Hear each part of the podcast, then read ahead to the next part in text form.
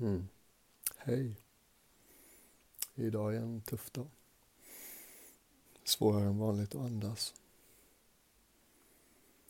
Men eh, ha lite tålamod med mig. Kanske lite långsammare och tystare. Men det hjälper mig också att leka lite.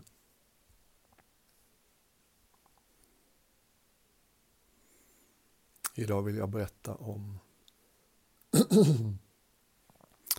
om delfinen, delfinen Larry. Larry var en ganska gammal delfin. Men som de flesta gamla delfiner och andra så kändes inte Larry speciellt gammal. Inuti kände han sig ungefär som han hade gjort hela den vuxna delen av sitt liv. Larry hade varit med om mycket, sett mycket, under en lång och ganska tråkig period så hade han fångats av människan. Tvingades uppträda i en av de här hemska små simbassängerna. Jonglera med badbollar och simma på höjden och få mat av bara vissa tider på ett sånt här ovärdigt sätt att delfintränarna slänger maten till honom. Och så massa människor på läktaren som tittar på. Det var någonting som delfinerna aldrig någonsin hade förstått. Hur kommer det sig att människan tycker så mycket om att se delfinerna leka i bassängen och så är de så dåliga på att leka själva utan föredrar att vara publik när någon annan leker. Det var mycket med människan som Larry och andra delfiner inte förstod. Mm. Larry hade hört från de gamla legenderna i delfinmytologin hur för länge, länge, länge sedan, långt innan människan ens fanns, så hade delfinerna gått en liknande väg som människan nu var på, på väg på.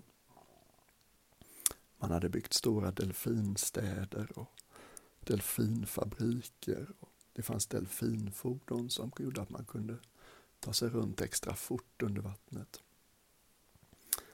Man fick smak på komplicerad och konstig mat och det skulle vara annorlunda mat varje dag. Delfinerna tävlade om att vara mest speciella i valet av hem och fordon och mat. Och man skulle göra resor allt längre och längre bort bara för att kunna få berätta för sina delfingrannar att man hade sett ännu mer exotiska och vackra och lyxiga platser än de hade gjort. Och som alla vet så är ju delfiner exceptionellt intelligenta. På många sätt ännu intelligentare än människan faktiskt. Så sakta men säkert så var det som att delfinerna kollektivt och omedvetet och till en början ganska outtalat förstod att har vi inte gjort delfinlivet onödigt komplicerat? Ska det vara så svårt att bara vara en glad delfin?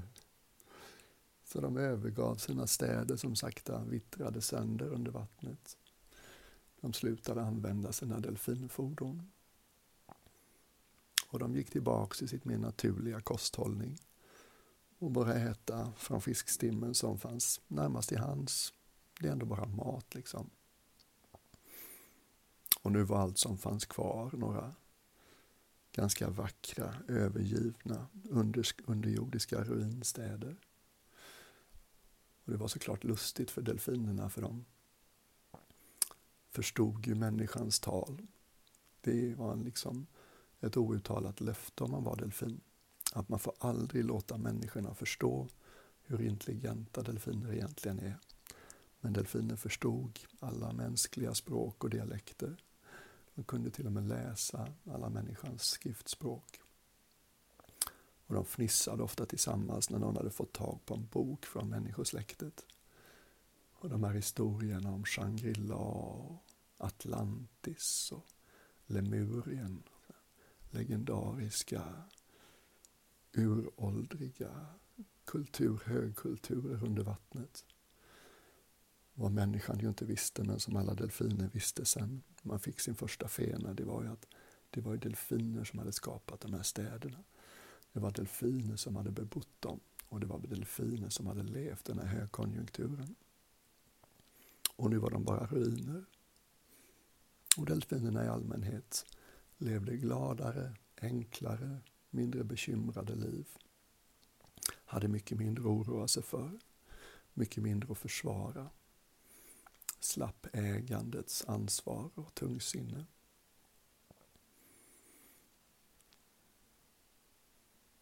Och det var förstås inte så att delfinerna från början var så himla bra på att leka.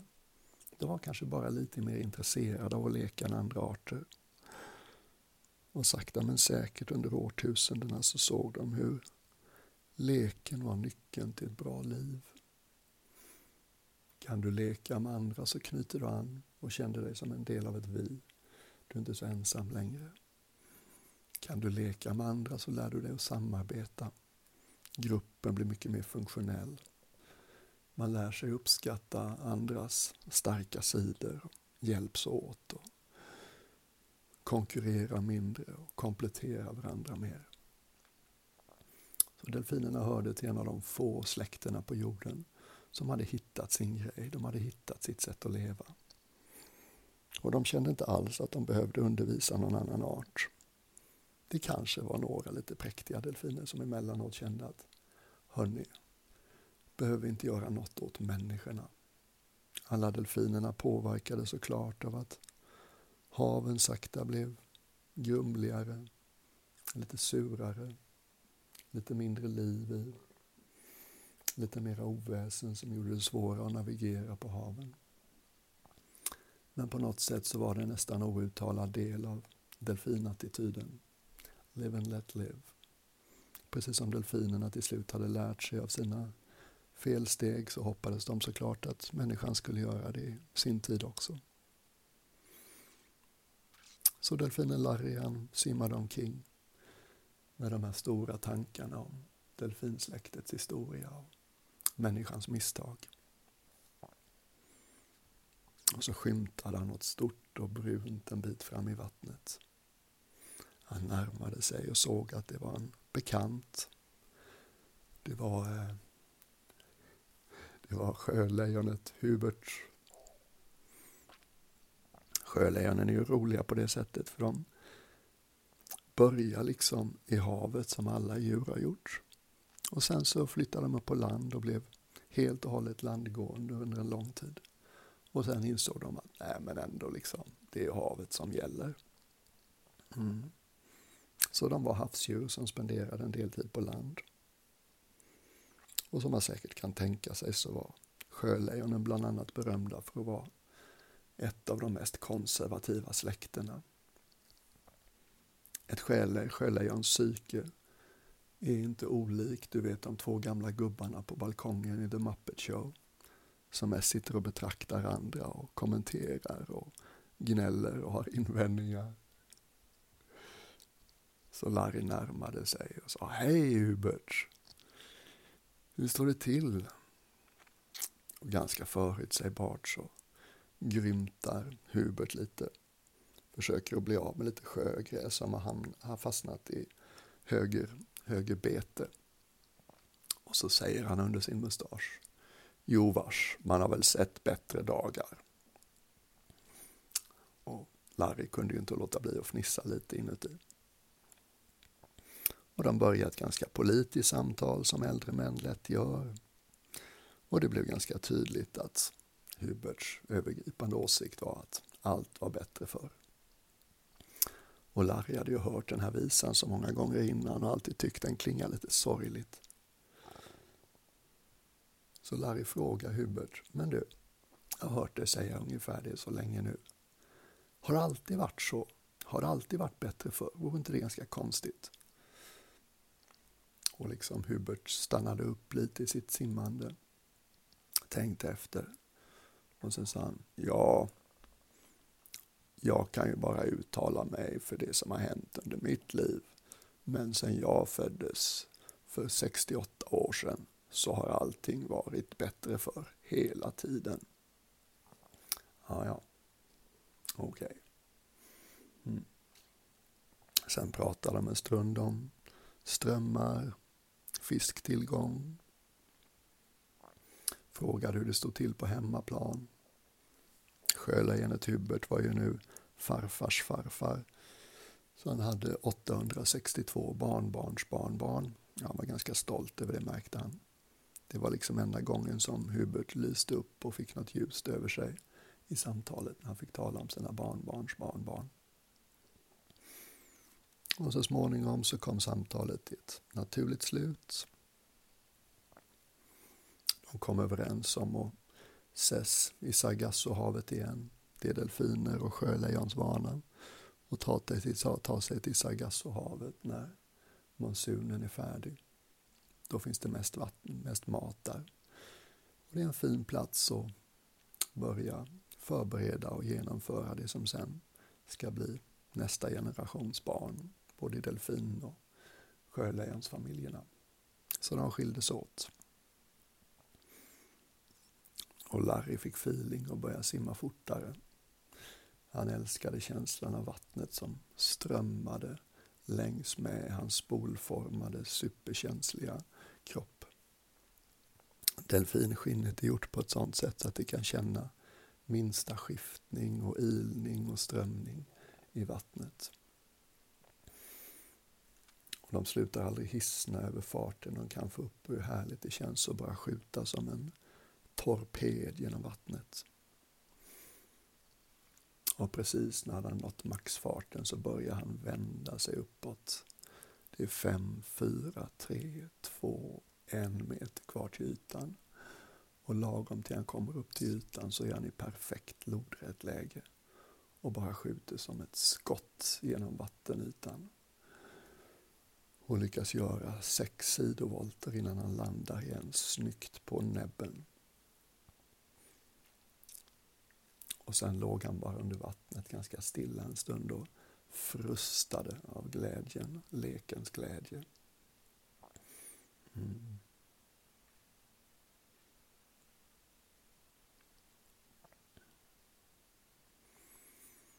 Och sen började han simma igen. Började fundera lite löst på vad han skulle göra av den här dagen. Han kände sig på äventyrshumör. Och så kom han på en sak han inte gjort på länge. Han ville leta bläckfiskar. Alla vet ju att bläckfiskar är det absolut konstigaste släktet i vattnet. Inom delfinskrået så var man ganska överens om att Gud måste ha tagit LSD den dagen han uppfann bläckfiskarna. De var bara så psykedeliska, så mångfacetterade, så osannolika. Så han tog lite extra luft och gav sig ner på djupet för det var där de konstigaste bläckfiskarna fanns. Han simmade djupare och djupare. Och han fick tryckutjämna ganska hårt. Delfiner är egentligen inte bekväma längre ner än till 280-300 meters djup. Men idag kände han att han ville ta ut svängarna. Push the envelope a little.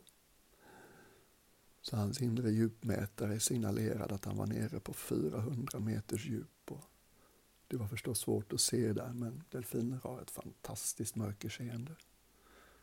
Och plötsligt så var det någonting som glimmade till i mörkret. Det var kanske 60-70 meter bort och var bara som ett mjukt, vagt ljus.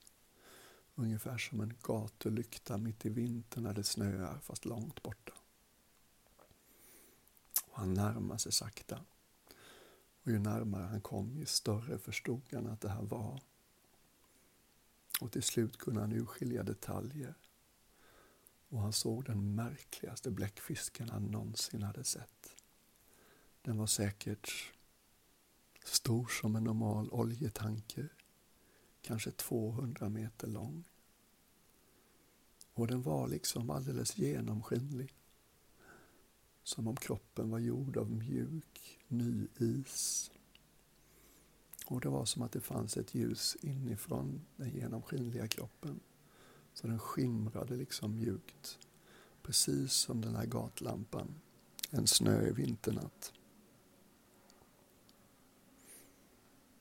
Normalt sett så hade ju bläckfiskar åtta armar.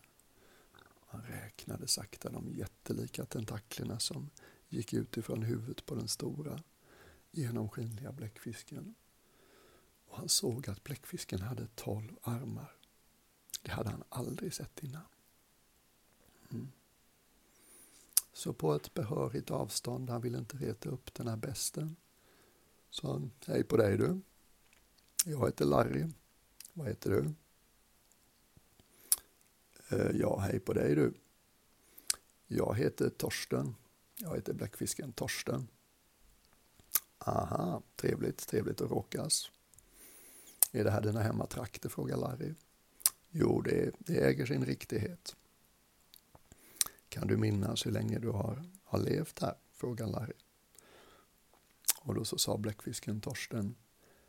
Mm, ja, det är lite så med bläckfiskars minne att eh, det är inte så starkt. Jag har egentligen inga minnen tidigare än i förrgår. Men eh, jag har fått det berättat för mig av delfiner, släktingar till dig. Att så länge de har simmat här så har jag funnits. Nej, berätta mer, vad spännande, du kanske känner några av mina släktingar, sa Larry. Ja, sa bläckfisken, Bot, bläckfisken Torsten. Jag minns till exempel en eh, delfin som hette Linda. Väldigt stilig bläckfisk må jag säga. Väldigt spolformad och vacker färg. En skimrande nyans av grått i sitt skinn och hon simmade som en, oh, som en prinsessa. Va, sa Larry. Känner du delfinen Linda? Det är ju min mormors mormors mormor. Gisses! Då måste du vara jättegammal. Hon är en legend i våran släkt. Ingen har förstås träffat henne, för hon levde ju på den tiden som vi fortfarande byggde städer vid delfiner. Och när vi liksom fortfarande inte riktigt hade hittat vårt naturliga och gladaste sätt att leva. Jo, men så är det, sa Torsten.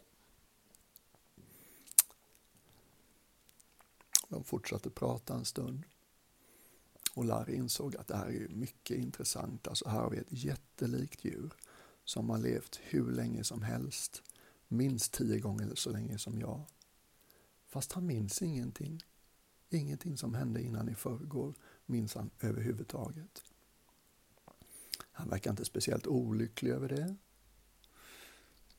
Han tycktes också ha ett, om vi får säga så, eh, ganska okomplicerat och eh, primitivt intellekt.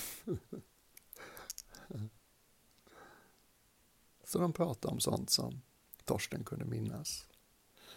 Hur strömmarna gick igår, vilka stim som fanns till hands för att äta. Och bläckfiskar hade ju såklart en helt annan situation än delfiner. Är du en 200 meter lång bläckfisk så tvingas du ägna en hel del åt din vakna tid åt mat. Och det ska mycket till. Mm. Tack och lov så var det så att bläckfiskar tyckte rätt mycket om maneter. Och det vet ju alla att maneter finns det precis hur mycket som helst av i haven. Och allt mer faktiskt. Ju mer människan påverkar haven på ett nästan uteslutande negativt sätt, ju mer maneter finns det. Och ju mer av bläckfiskarna att äta. Mm. Och när Torsten började prata om hur mycket han tyckte om maneter och vilka han tyckte bäst om och så, så började Larry sakta förstå varför det fanns allt fler märkliga och märkvärdiga bläckfiskar i världshaven. Just det, de äter maneter och människans påverkan gör att det finns allt fler maneter, så det är inte konstigt. Det var liksom en bra tid för, sjö, för eh, bläckfiskar.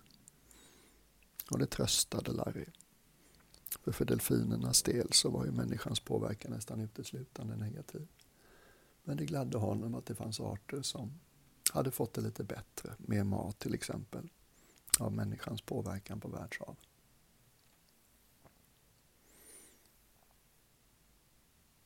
Och efter en stund så kom samtalet till sitt naturliga slutpunkt och de tog farväl. Det är inte många som vet det, men bläckfiskar tenderar att vara lite högtidliga så att det var ett liksom gammaldags sätt som bläckfisken Torsten tog farväl av delfinen Larry. Och sen simmar de båda åt varsitt håll.